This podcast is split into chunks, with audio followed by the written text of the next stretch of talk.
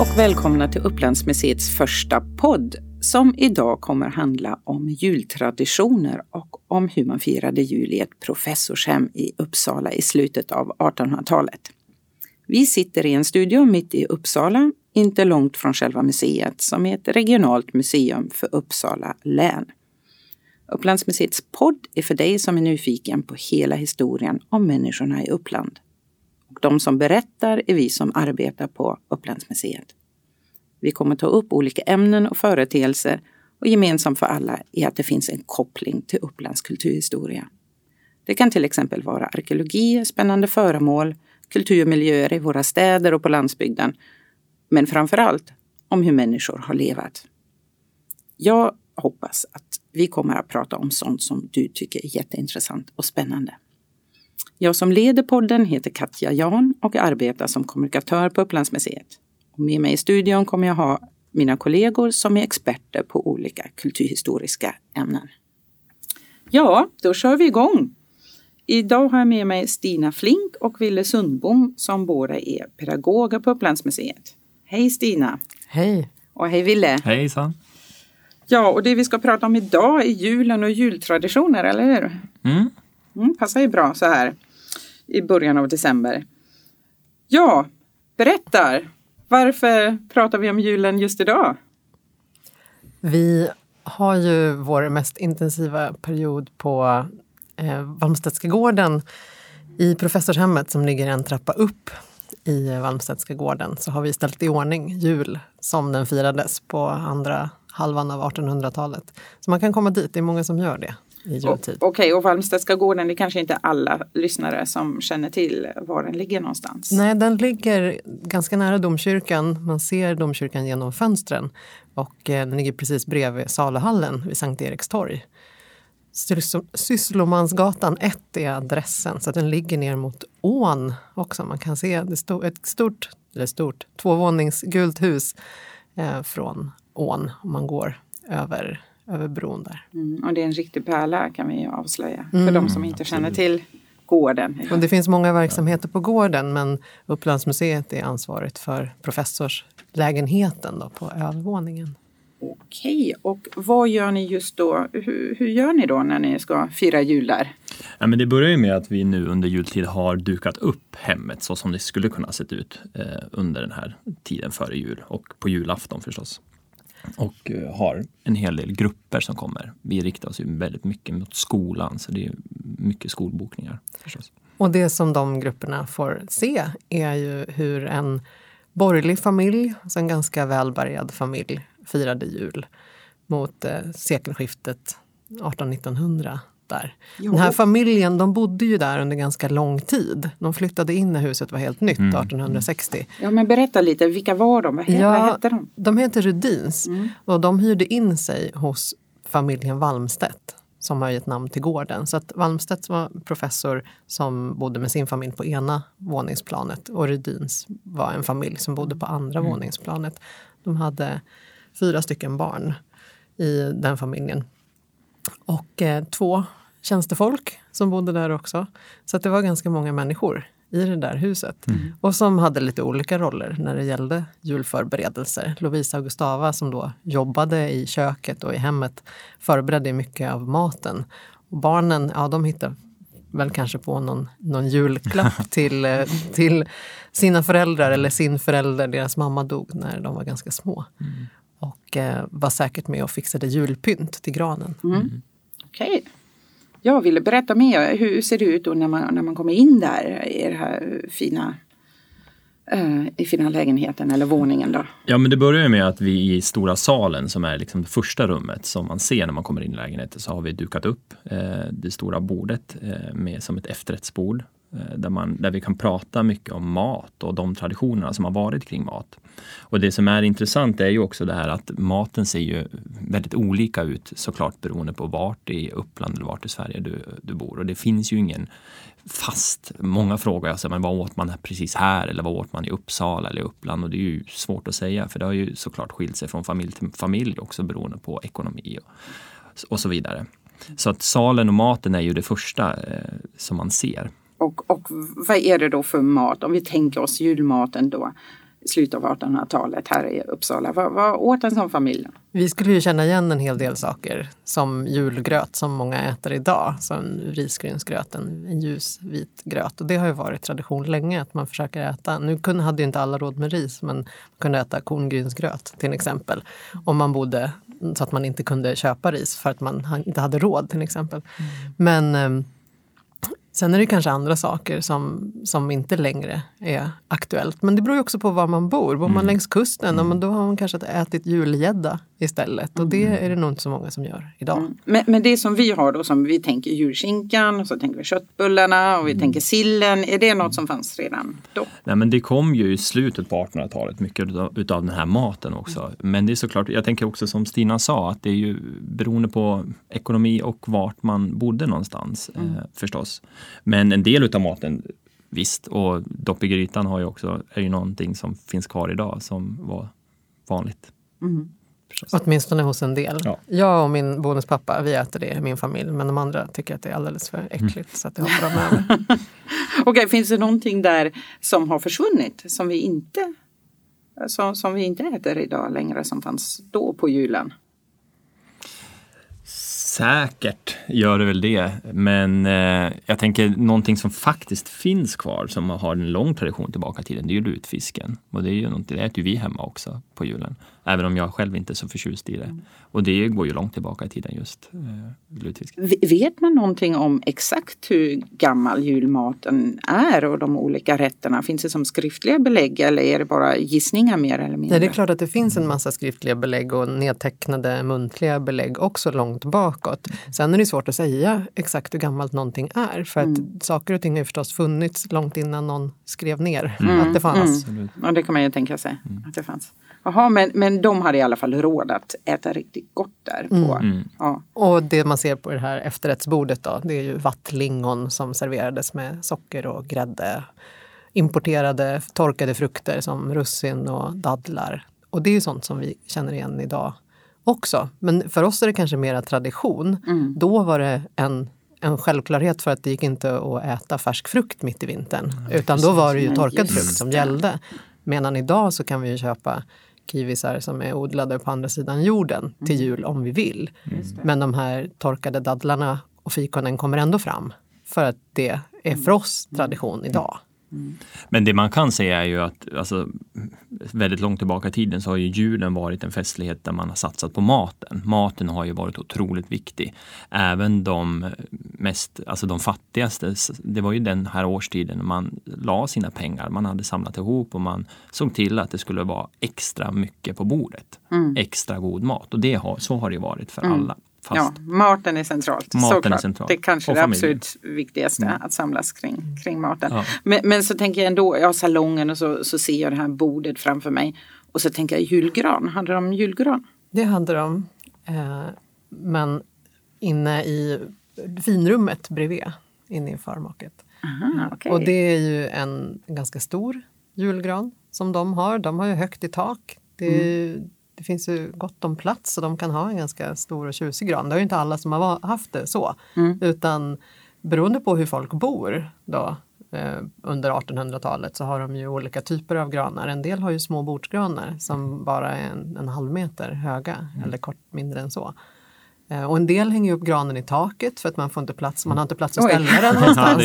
så det här med julgranar har ju också sett väldigt olika ut. Jag tror att det är mycket mer ja, nu ska alla ha en, en gran som är eh, ja, men två meter och, mm. och står i, i, mm. i vardagsrummet. Det, det är tydligare nu. Sen är det kanske olika dekorationer som varierar. Liksom. Men... Och äntligen tycker man det är ju lite sjukt det här med att ha, ha ett träd inomhus då för några veckor. Det låter ju jätteknäppt. Men, ja. men, men berätta men lite grann. Och tidigare så, jag menar, den här tiden som vi pratar om på, på Valmstedska när familjen Rudin bodde i hemmet så hade man ju inte heller en julgransfot med vatten utan då var det ju också, man gjorde ett träkors och spikade så såklart den höll ju sig inte så länge.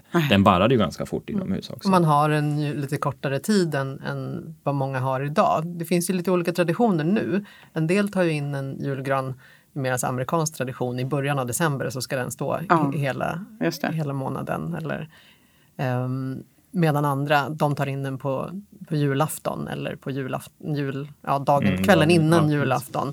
Eh, och sen så, min mamma hade som sport att ha den till sin födelsedag i februari. Men, men det, det går inte längre med köpegranar. Det gick när det var morfar som högg granen. Så att det här med hur, hur länge granen ska stå inne och när den ska ut har ju också liksom förändrats. Och, och det är lite intressant som du säger med din mamma till exempel. Man har ju, varje familj kanske har sina egna små Absolut. traditioner när det gäller julgranen.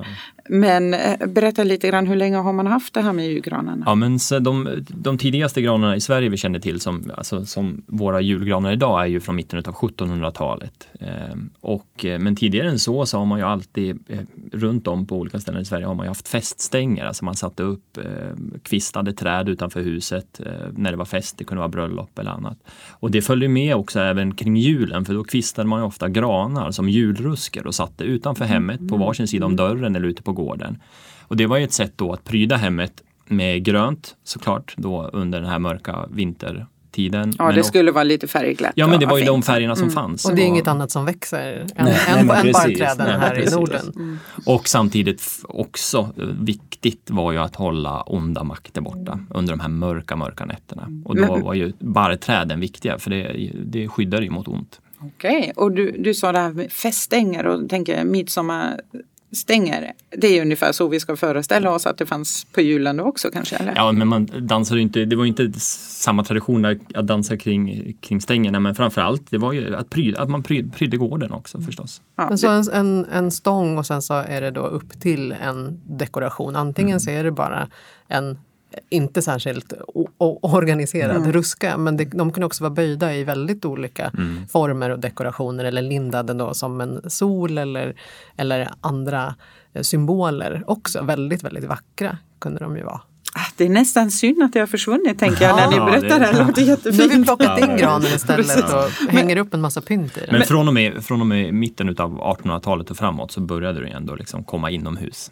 Mm. Och det är ju ingen svensk tradition så, utan det kommer ju från Tyskland säger jag då som är från Tyskland. Lite stolt här, men kanske inte ursprungligen från Tyskland, det vet jag inte heller. Men, men härifrån kom den kanske från Tyskland, den här idén om att ha julgran i hemmet. Ja, och att pynta den och hänga upp saker. Och då var, vilka föremål som man har kunnat ha i granen har ju också spelat eh, roll, alltså så roll beroende på vem, vem man har varit och hur mycket pengar den familjen har haft. Jag tog ju med en, en liten juldekoration här. Just det, du har med dig. Med, Från Valmstedtska gården precis, här. en pytteliten julkaramell med silkepapper. Och den är jättefin. Den är röd, så här knallröd med en så här gammaldags tomte på. Men Precis, Och bokmärke och eh, lite guldsilkepapper i det här krusade röda silkepappret. Och det gjorde man ju som pynt och själv, eller köpte Ja, man? precis, med någon liten karamell inuti. Eh, man kunde gå till sockerbagaren och köpa kristyrer och hänga upp. Så det gjorde säkert Rudins, kunde gå till någon av konditorierna här i stan. Ehm, eller så gjorde man ju, ba, kunde baka eh, små brödfigurer och hänga upp själv också. Det, det kunde man göra om, om man inte kunde köpa eh, julpynt till exempel. En del hade ju råd att köpa importerat julpynt från till exempel Tyskland. Medan det var helt omöjligt för andra.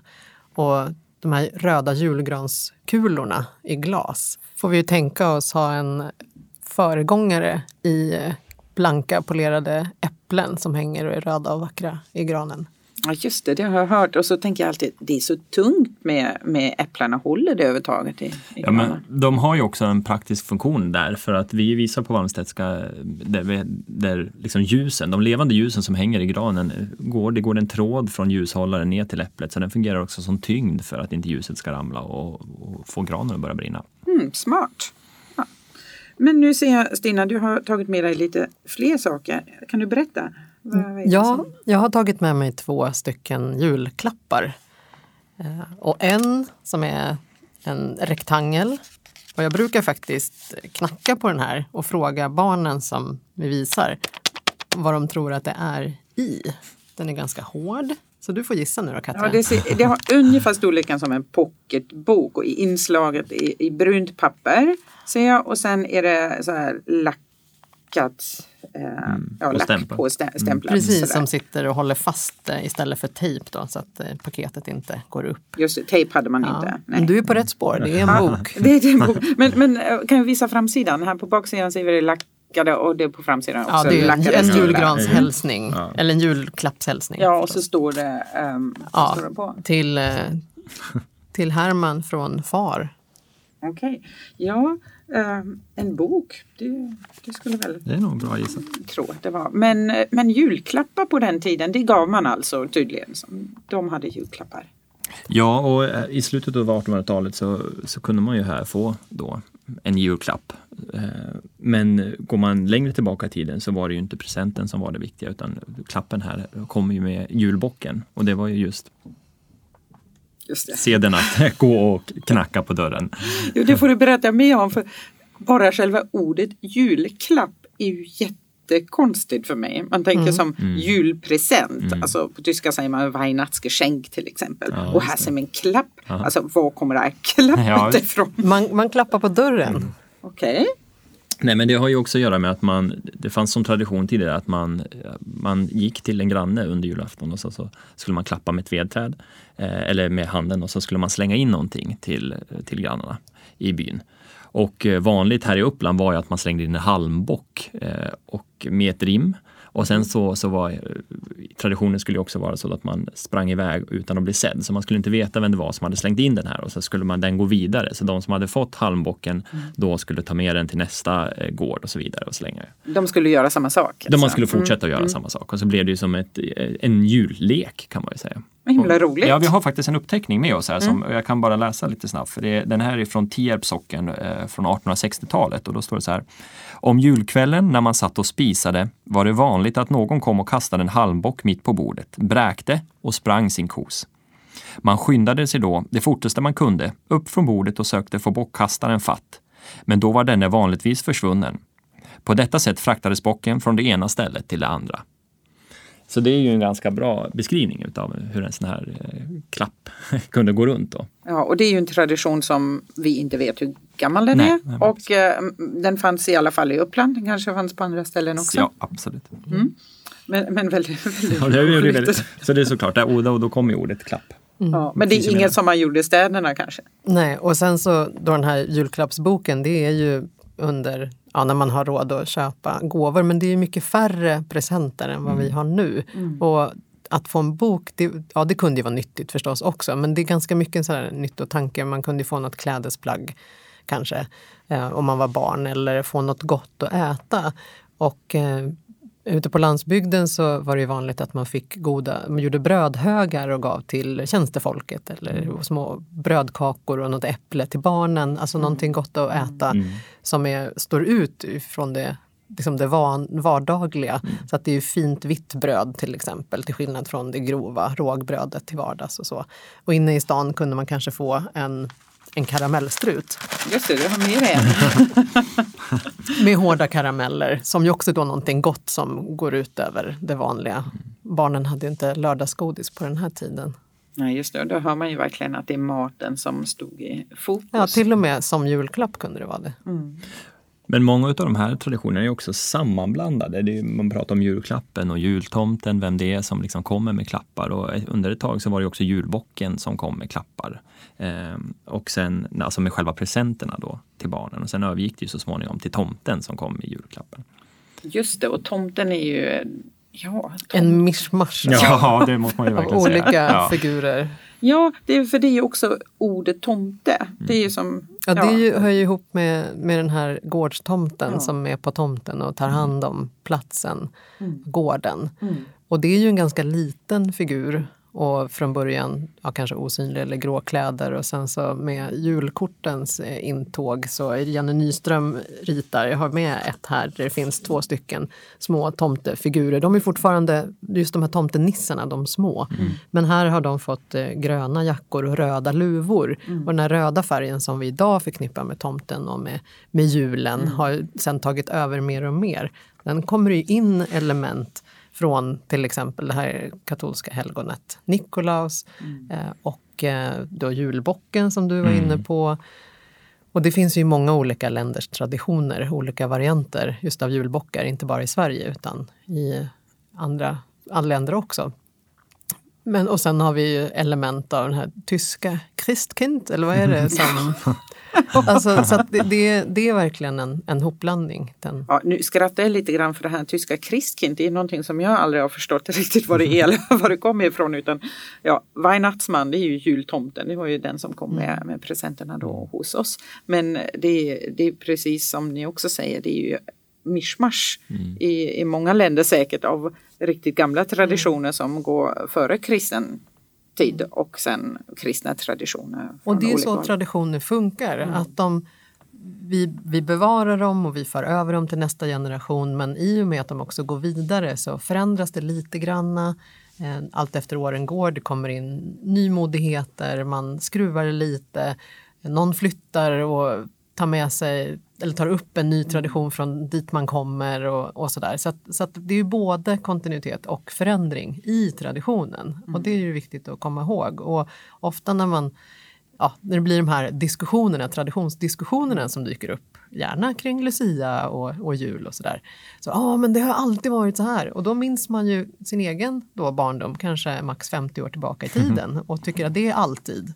Så, mm. um, och så att traditioner förändras, men det kan vara jobbigt när de förändras också. För att det, de, traditioner innebär ju trygghet. Mm. Mm. Ja, man gillar ju traditionerna på många något sätt. Ja. Mm. Men en sån där sak som, som, är också, som är kopplad till tomten som jag tror fortfarande många gör och det är ju att man ställer ut gröt till tomten. Det lever ju kvar än idag och det har ju funnits långt tillbaka, eh, väldigt långt tillbaka, att man skulle sätta ut någon sorts mat till tomten som då ofta bodde i stallet och tog hand om gården. Och det var ju belöningen för årets slit som tomten hade hjälpt till på gården. Mm. Och eh, jag vet, jag läste någon uppteckning om i Uppland så skulle man också, kunde man, om man inte hade någon tomte på gården så kunde man då under, efter julottan så skulle man kunna lägga ut ett par vantar och en skål gröt bakom kyrkan för det skulle då locka till sig tomtar så man kunde få hem till gården. Så, ja, så man, fick vill. en för nästa ja, år? Så man fick en för året Nej, man ville gärna ja, ha ja, men man, jo, det var ju bra. Gulligt. Ja. Jättefint. Ja, men, och det är ju ett tecken på de här föreställningarna om vilka, ja, som, som finns kring, kring julen. Trodde folk på tomten? Ja, både och kanske. Mm. Men man hoppas ju, för att man har ju behov av att det, det, ska gå bra, särskilt på landsbygden när man är beroende av väder och vind och goda skördar mm. och sådär. Mm. Och det finns det ju, alltså julnatten och julen, juletiden är ju magisk. Och vi har den här traditionen att ha en såkaka, så man har ett bröd som får ligga framme under hela jultiden på bordet och som man inte äter av. Och sen så ska den då grävas ner i sädesbingen för att ge sin julkraft till säden, utsädet som kommer, som, som man sår då på våren nästa mm. år. Så att den här tanken om att, att den goda kraften från julen ska, ska komma mm. över till, för året som kommer. Och det låter ju som något way back, riktigt gammalt med tanke på offer, ett offer till, till gudarna. Och vi vet sätt. inte hur, Nej, hur, hur gammal en sån här tradition är. Nej. Ja, det är fascinerande. Men och, ja, precis, och, och man lämnade, kunde ju lämna julmaten kvar över natten också. När man hade ätit sista maten på, på julaftonskvällen så skulle man ju upp till julottan tidigt, tidigt på morgonen mm. sen på, på juldagen och då lämnade man ju ofta maten kvar framme på bordet. Och det var dels ett sätt, man kunde säkert äta en matbit innan man åkte iväg till julottan, men det var också ett sätt att eh, när julaftonsnatten som var lång och mörk och de döda kunde gå igen, och då kunde man då lämna mat kvar framme till dem så de kunde passa på att spisa också under natten. Oh, det där ska jag ta till mig själv, det vill man ju gärna ha. duka av så, och säga att man tänker på sina döda förfäder. Och när man väl kom till julottan så var det ju så att man skulle borsta bort på kyrkbänkarna både jord och grus och kanske liksvepningar för då hade ju de döda haft julotta innan man kom dit. Så man fick inte komma för tidigt för då kunde man ju störa dem. Nej, vad läskigt. Det låter ju som... Ja, men så, ja, man... så det, jag pratade om att det var de goda krafterna av jul men det, det, fin, det är lite farligt också. Liksom, så ja, det är man... mörkt såklart. Ja. Och förr i tiden var det som ännu mörkare när man inte hade elektricitet mm. och sånt. Och det är klart att det, det, var en speciell tid på året. Mm. Det förstår man ju med massvis med tankar kring detta och traditioner. Men hörrni, nu, nu får vi nästan avrunda det här um, tyvärr. Det finns ju väldigt mycket att prata om. Uh, är det någonting uh, mer som ni tycker, men det här, du hade till exempel Ville ett citat till.